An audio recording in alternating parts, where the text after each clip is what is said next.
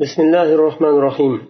الحمد لله رب العالمين والصلاة والسلام على سيد المرسلين محمد وعلى آله وأصحابه أجمعين. اللهم علمنا ما ينفعنا وانفعنا بما علمتنا وزدنا علما يا عليم. الرد على العشعرية ومن اغتر بهم. أشاعرة أشعرية سنة. Ya'ni ashariya aqidasida bo'lgan jamoatni ashariylarga raddiya va ular bilan g'ururlanganlarga raddiya beryapti shayx rahimaulloh إذا قال قائل قد عرفنا, قد عرفنا بطلان مذهب أهل التأويل في باب الصفات ومن المعلوم أن العشاعرة من أهل التأويل لأكثر الصفات أن العشاعرة من أهل التأويل لأكثر الصفات فكيف يكون مذهبهم باطلا وقد قيل إنهم يمثلون اليوم min al muslimin agar bir kishi desa biz ahli tavilni mazhabini botil ekanini bildik. Sifat bobida. Allohni ism va sifatlari bobida. Va ma'lumki ashariya aqidasi ahli tavillardan hisoblanadi. Ular tavil qiladi sifatlarni aksar sifatlarni tavil qiladi ashariya mazhabi yettita sifatdan boshqasini tavil qiladi. Qanday ashariya mazhabi botil bo'lsang agar ular bugun dunyoda musulmonlarni to'qson besh foizini tashkil qilsa dunyodagi musulmonlarni to'qson besh foizi ashariylar bo'lib turib qanday? Ularni botil deymiz. Demak dunyoni hammasini botil deganga o'xshaydiyu degan savol. Shunaqa savol berilgan. Bor bunaqa savollar. وكيف يكون باطلا وقدوتهم في ذلك أبو الحسن الأشعري؟ qanday bu mazhab botil bo'ladi ularni qoida ularni yetakchisi abul hasan ashariy bo'lsa وكيف يكون باطلا وفيهم فلان وفلان من العلماء المعروفين بالنصيحة لله ولكتابه ولرسوله ولأئمة المسلمين وعامتهم؟ qanday ularni mazhabi botil bo'ladi ularni ichida falonchi falonchi olimlar bo'lsa katta katta allohga rasuliga kitobiga va musulmonlarni imomlariga va umumiga nasihat qiladigan xolis bo'lgan olimlar ichlarida bo'lib turib qanday botil bo'ladi قلنا الجواب عن السؤال سؤال الأول birinchi savolga javob ashariy mazhabi جواب besh الشيخ رحمه الله أننا لا نسلم أن تكون نسبة rahimaulloh بهذا القدر بالنسبة لسائر فرق المسلمين فإن هذه دعوة تحتاج إلى إثبات عن طريق الإحصاء الدقيق برنج بس قبل قميمز أشعرية مذهبنا بشقى فرق نسبتان to'qson besh foizni tashkil qilishini qabul qilmaymiz. Bu davoni daqiq holda tekshirishlikka muhtoj bo'linadi. Daqiq holda buni tekshirishlik kerak. Haqiqatdan ham qancha foizni tashkil qiladi? Yuzga to'qson besh deb bo'lmaydi. O'rta osiyo maturidiy rossiya taraflar bu qirim taraflar e, maturidiy turkiya maturidiya mazhabida va ya'ni aksar joylarda hatto nimada maturidiylar bor arab ellarida ham undan tashqari salafiy mazhabi ham bor har yerda shuning uchun uni yuzga ellik desa qabul qilishimiz mumkin yuzga qirq desa qabul qilishi mumkin ثم لو سلمنا أنهم بهذا القدر أو أكثر فإنه لا يقتضي عصمتهم من الخطأ لأن عصمة في إجماع المسلمين لا في أكثر في الأكثر ikkinchidan endi agar biz qabul qilsak ham shu qadarni to'qson besh foiz ashariylar tashkil qiladi dunyodagi musulmonlarni desak yoyinki hattoki undan ham ko'p desak ham to'qson to'qqiz desak ham bu narsa ularni sonini ko'pligi ularni ismat berolmaydi ularga. Ya'ni ma'sum ekaniga dalolat qilolmaydi bu. Sonini ko'pligi u firqani jamoani ma'sum ekanini bildirmaydi. Chunki ma'sumlik ijmoda musulmonlarni ijmoida hosil bo'ladi ko'pchiliklikda sonini ko'pligida emas. Ijmo dalil kelgan. Ijmo u e, nimani dindagi dalillarni adillati shar'iyalarni bittasi ijmo. Qur'oni karim birinchisi shar'iy dalillar ikkinchisi sunnati nabaviya uchinchisi ijmo to'rtinchisi qiyos. Sonini ko'pligi emas. ثم نقول إن إجماع المسلمين قديما ثابت على خلاف ما كان عليه أهل التأويل فإن السلف الصالح من صدر هذه الأمة وهم الصحابة الذين هم خير القرون والتابعون لهم بإحسان وأئمة الهدى من بعدهم كانوا مجمعين على إثبات ما أثبته الله لنفسه وأثبته له رسوله صلى الله عليه وسلم في الأسماء والصفات وإجراء النصوص على ظاهرها اللائق بالله تعالى من غير تحريف ولا تعطيل ولا تكييف ولا تمثيل musulmonlarni ijmoi eskidan sobit bo'lgan bu ummatni avvalida sahobalarni zamonida ijmo sobit bo'lgan ijmo sobit bo'lgan ahli tavilga muxolif bo'lgan holda sobit bo'lgan Hozir ahli tavilni soni qanchalik ko'paymasin u ijmoni buzolmaydi. Bir narsani ustida ijmo qilingan bo'lsa u ijmoni buzib bo'lmaydi keyin. U dalil bo'lib qoldi shar'iy dalilga aylandi u. Uni buzib bo'lmaydi. Ummatni avvalida sahobalar va tobiinlar va e, imomlar bu nimaga allohni o'zi uchun isbot qilgan ism sifatlarni isbot qilishlikka va rasuli allohga isbot qilgan ism va sifatlarni isbot qilishlikka ijmo qilishgan sahobalar ijmo qilishgan. Ularni ijmoga qarshi chiqib bo'lmaydi va naslarni dalillarni zohiriga ko'ra allohga loyiq bo'lgan zohiriga ko'ra o'tkazishlik tahrifsiz tatilsiz takyifsiz va tamsilsiz o'tkazishlikka ijmo qilishgan ular biz ergashishlik bizdan hozir ergashishlik qolgan xolos. Ergashishlikkagina haqlimiz unga xilof chiqishlikka haqqimiz yo'q chunki u shar'iy dalilga aylangan وهم خير القرون بنص الرسول صلى الله عليه وسلم وإجماعهم حجة ملزمة لأنه مقتضى الكتاب والسنة وقد سبق نقل الإجماع عنهم في القاعدة الرابعة من قواعد نصوص الصفات ular sahobalar ummatni eng afzali ularni zamoni eng afzal zamon eng afzal zamon egalari bilan afzal ular. U zamon. Sahobalar bilan afzal bo'ldi o'sha zamon. Rasululloh sollallohu alayhi vasallamni so'zlari bilan ular eng afzal insonlar ummat ichida. Va ularni ijmoi mulzim bo'lgan ya'ni o'tadigan va lozim bo'lgan hujjatu. Chunki u ijmo kitob va sunnatni taqozosi kitob va sunnatdan kelib chiqqan holda ular ijmo qilgan. Hammasi ijmo degani hammasi fikrini bitta qilishlik. Sahobalar fikrini bitta qilgan bo'lsa bir narsada. Hammasini fikri bitta bo'lsa ikkinchi fikrni chiqargan kishi sahobalarni hammasiga qarshi chiqqan bo'ladi. Yuqorida to'rtinchi qoidada o'tgandi bu nima? Salaflarni ijmoi.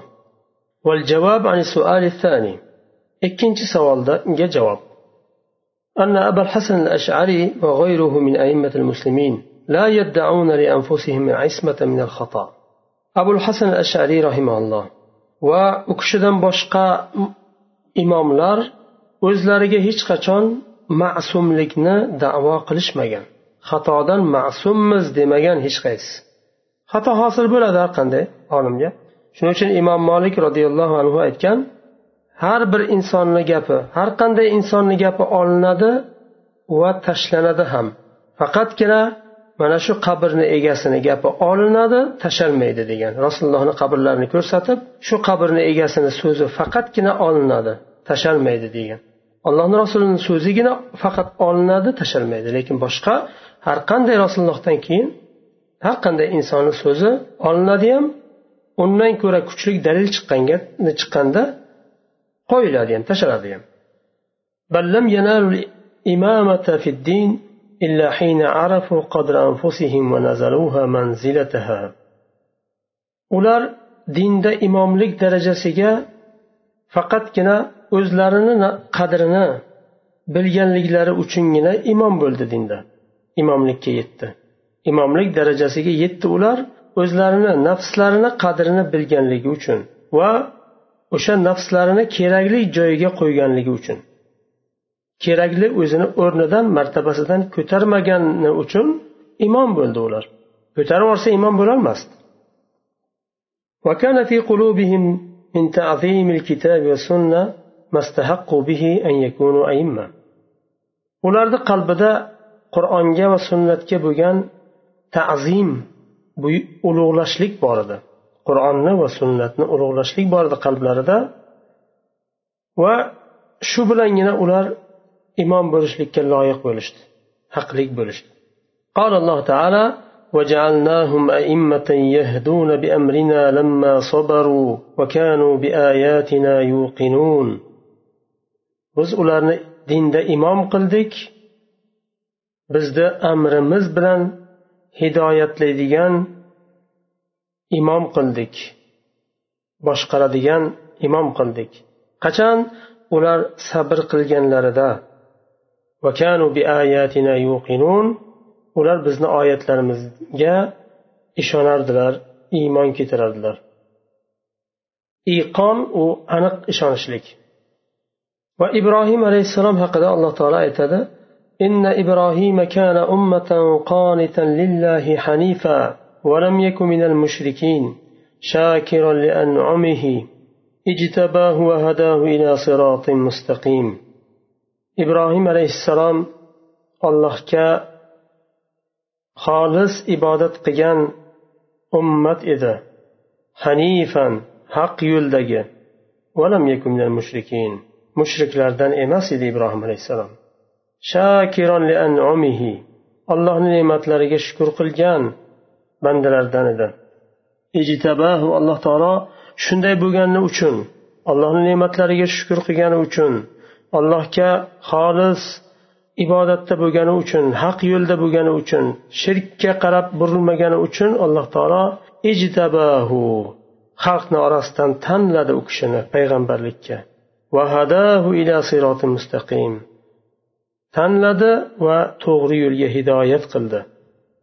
ثم إن هؤلاء المتأخرين الذين ينتسبون إليه لم يقدروا لم, يقد لم يقتدروا به الاقتداء الذي ينبغي أن يكون عليه undan tashqari mutaaxirlar keyin kelgan ummatlar keyin kelgan nimalar musulmonlarni keyin kelganlari ularga imomlarga kerakli darajada ergasholmadi وذلك أن أبا الحسن كان له مراحل ثلاث في العقيدة أبو الحسن الأشعري uchta marhalada bo'lgan hayoti u kishini aqidasi uchta marhalada bo'lgan birinchi marhalasi i'tizol mu'tazila aqidasida bo'lgan u kishi u kishi mu'tazila aqidasida qirq yil bo'lgan munozara qilgan himoya qilgan bu mazhabni tortishgan qirq yil undan keyin bu mazhabni botil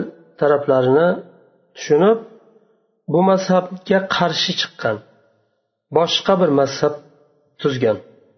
Ashariy mazhabini bugungi ashariy mazhabini tuzgan. Ashariy mazhabi ahli sunna bilan mutazilani o'rtasida.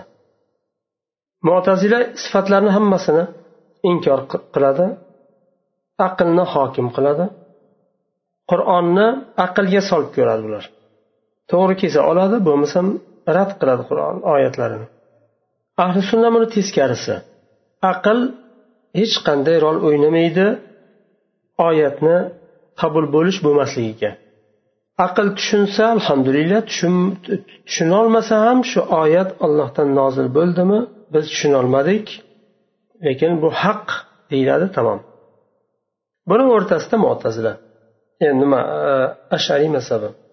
ikkinchi marhalasi demak mo'tazila bilan ahli sunnani o'rtasida bo'ldi bular سلك فيها طريق أبو أبي محمد عبد الله بن سعيد بن كلاب mana shu kishini nimasidan mazhabidan yurgan shayx islom ibn taymiya rahimalloh o'n oltinchi mujallatda majmu fatavoni o'n oltinchi mujallatda shunday deydilar al ashariy va amsaluhu برزخ بين السلف والجهمية أخذوا من هؤلاء كلاما صحيحا ومن هؤلاء أصولا عقلية ظنوها صحيحة وهي فاسدة أشعري وأولردن بشقسي salaf bilan jahmiya aqidasini o'rtasida bir qabrga o'xshadi ya'ni e, qabr derkan haligi o'rtasidagi bir e, nimaga o'xshadi bo'shliq ulardan bir narsa olsa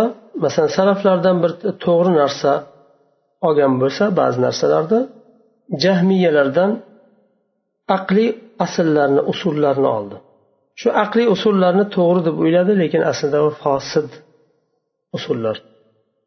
Uchinchi marhala abul hasan ashariyni rahimaullohni uchinchi marhalasi aqidada marhalati i'tinaqi madhab ahli sunnati val hadis ahli sunna va ahli hadis mazhabini mustahkam ushladi. Tark qildi qolgan oldingi aqidalarni tark qildida ahli sunnaga ergashdi salaf aqidasiga ergashdi. Ahmad ibn hambalga ixtido qildi u kishi. Al inaba an usuli diyana degan u kishini eng oxirgi yozgan kitoblari bor shu yerda bayon qilganlar. Muqaddimasida shu kitobni aytganlar jaana يعني النبي صلى الله عليه وسلم بكتاب عزيز لا يأتيه الباطل من بين يديه ولا من خلفه تنزيل من حكيم حميد rasululloh sollallohu alayhi vasallam bizga bir kitobni keltirdi aziz bo'lgan kitobni keltirdi undan keyin hech qanday botil kelishligi mumkin emas bu kitob hakimun hamid bo'lgan zot tarafdan nozil qilingan kitob جمع فيه علم الأولين وأكمل به الفرائض والدين alloh taolo avvalgilarni ham ilmini bu qur'onda jamladi va farzlarni va dinni bunda komil qildi. Bu qur'on allohni mustaqim yo'li va mustahkam arqoni. Kecha o'tgandik bu hadisni. Arqon bir tarafi allohni qo'lida bo'lsa bir tarafi sizlarni qo'llaringda. Lan tadillu ma tamassaktum bihi من تمسك به نجا ومن خالفه ضل وغوى وفي الجهل تردى. كم بقرآن مستحكم شلسا نجا طبادا كم بقرآن مخالف بسا قرش شخصا أدشادا و جهالتا ينجرب يرادا دودرب وحث الله في كتابه على التمسك بسنة رسوله صلى الله عليه وسلم الله تعالى قرآن ده رسولني سنتك مستحكم يبشلك بيرد وما آتاكم الرسول فخذوه rasul sizlarga nimani keltirsa olinglar va nimadan qaytarsa qaytinglar deyapti. Ila an qol فأمرهم بطاعة رسوله كما أمرهم بطاعته ودعاهم إلى التمسك بسنة نبيه صلى الله عليه وسلم كما أمرهم بالعمل بكتابه فنبذ كثير من ممن غلبت شقوته واستحوذ عليهم الشيطان سنن نبي الله صلى الله عليه وسلم وراء ظهورهم وعادلوا إلى أسلاف لهم قلدوهم بدينهم ودانوا بدي بديانتهم وأبطلوا سنن رسول الله صلى الله عليه وسلم ورفضوها وأنكروها وجحدوها افتراء منهم على الله قد ضلوا وما كانوا مهتدين alloh taolo xalqini musulmonlarni buyurdi rasuliga itoat qilishlikka buyurdi o'ziga itoat qilishlikka buyurganidek va rasulini sunnatini mustahkam ushlashlikka buyurdi qur'onga amal qilishlikka buyurgani kabi badbaxtligi g'olib bo'lgan kishilar va shayton adashtirgan kishilar allohni rasulini sunnatini tark qildi va o'zlarini saraflariga ergashdi. Burildi ular tarafga qarab. U ahli kalom nazarda tutilyapti. Ahli kalomni saraflari o'sha rim nima? Ularda bo'lgan asl bu falsafa. Yunon yunonda eng asosi o'sha nimani yunonda bo'lgan sunnatni ular tark qildi va inkor qilishdi allohga iftiro qilgan holda sunnatni inkor qilishdi va yo'ldan adashishdi ثم ذكر رحمه الله أصولا من أصول المبتدعة وأشار إلى بطلانها ثم قال فإن قال قائل قد أنكرتم قول المعتزلة والجهمية والحرورية والرافضة والمرجئة فعرفونا قولكم الذي به تقولون وديانتكم التي بها تدينون mubtadialarni asllaridan ba'zilarini zikr qildi va uni botil ekanligiga ishora qildi aytdiki agar bir kishi desa sizlar mo'tazilani so'zini inkor qildinglar jahmiyani haruriyani rofidoni va murjiani so'zini inkor qildinglar ho'p endi sizlar aytadigan so'zni bizga bildiringlar ularni so'zlari xato bo'lsa sizlardagi qanday haq haq bo'lgani qanday va sizlar ergashgan din qanday bildiringlar bizga قيل له قولنا الذي نقول به وديانتنا التي ندين بها التمسك بكتاب ربنا عز وجل وبسنة نبينا صلى الله عليه وسلم وما روي عن الصحابة والتابعين وأئمة الحديث ونحن بذلك معتصمون ularni savoliga shunday javob beramiz biz aytadigan so'z va bizni ergashadigan din bu allohni kitobiga robbimizni kitobiga mustahkam yopishishlik rasulimizni sunnatiga mustahkam yopishishlik bu bizni so'zimiz va bu bizni tutgan yo'limiz. Va sahobalardan tobiinlardan va hadis imomlaridan rivoyat qilingan rivoyatlarga mustahkam yopishishlik ushlashlik. Biz shu narsalar bilangina ma'sum bo'lamiz. Qur'on sunnat salaflarni yo'liga ergashishlik bilan. Ahmad ibn hambalni zikr qilyapti bu kishi كان يقول به أبو عبد الله أحمد بن حنبل أحمد بن محمد بن حنبل نضر الله وجهه ورفع درجته وأجزل أجزل مثوبته أحمد بن حنبل رحمه الله haqqilarga duo qilyapti alloh taolo u kishini yuzini yoriq qilsin va darajasini martabasini ko'tarsin va savobini ko'paytirib bersin. Mujanibun. Shu kishi aytgan so'zni aytamiz shular aytgan so'zni aytamiz salaflar va shu imom aytgan so'zni. Va kimki bu imomni so'ziga xilof chiqsa biz undan chetlanamiz. Ahmad ibn hamal rahimalloh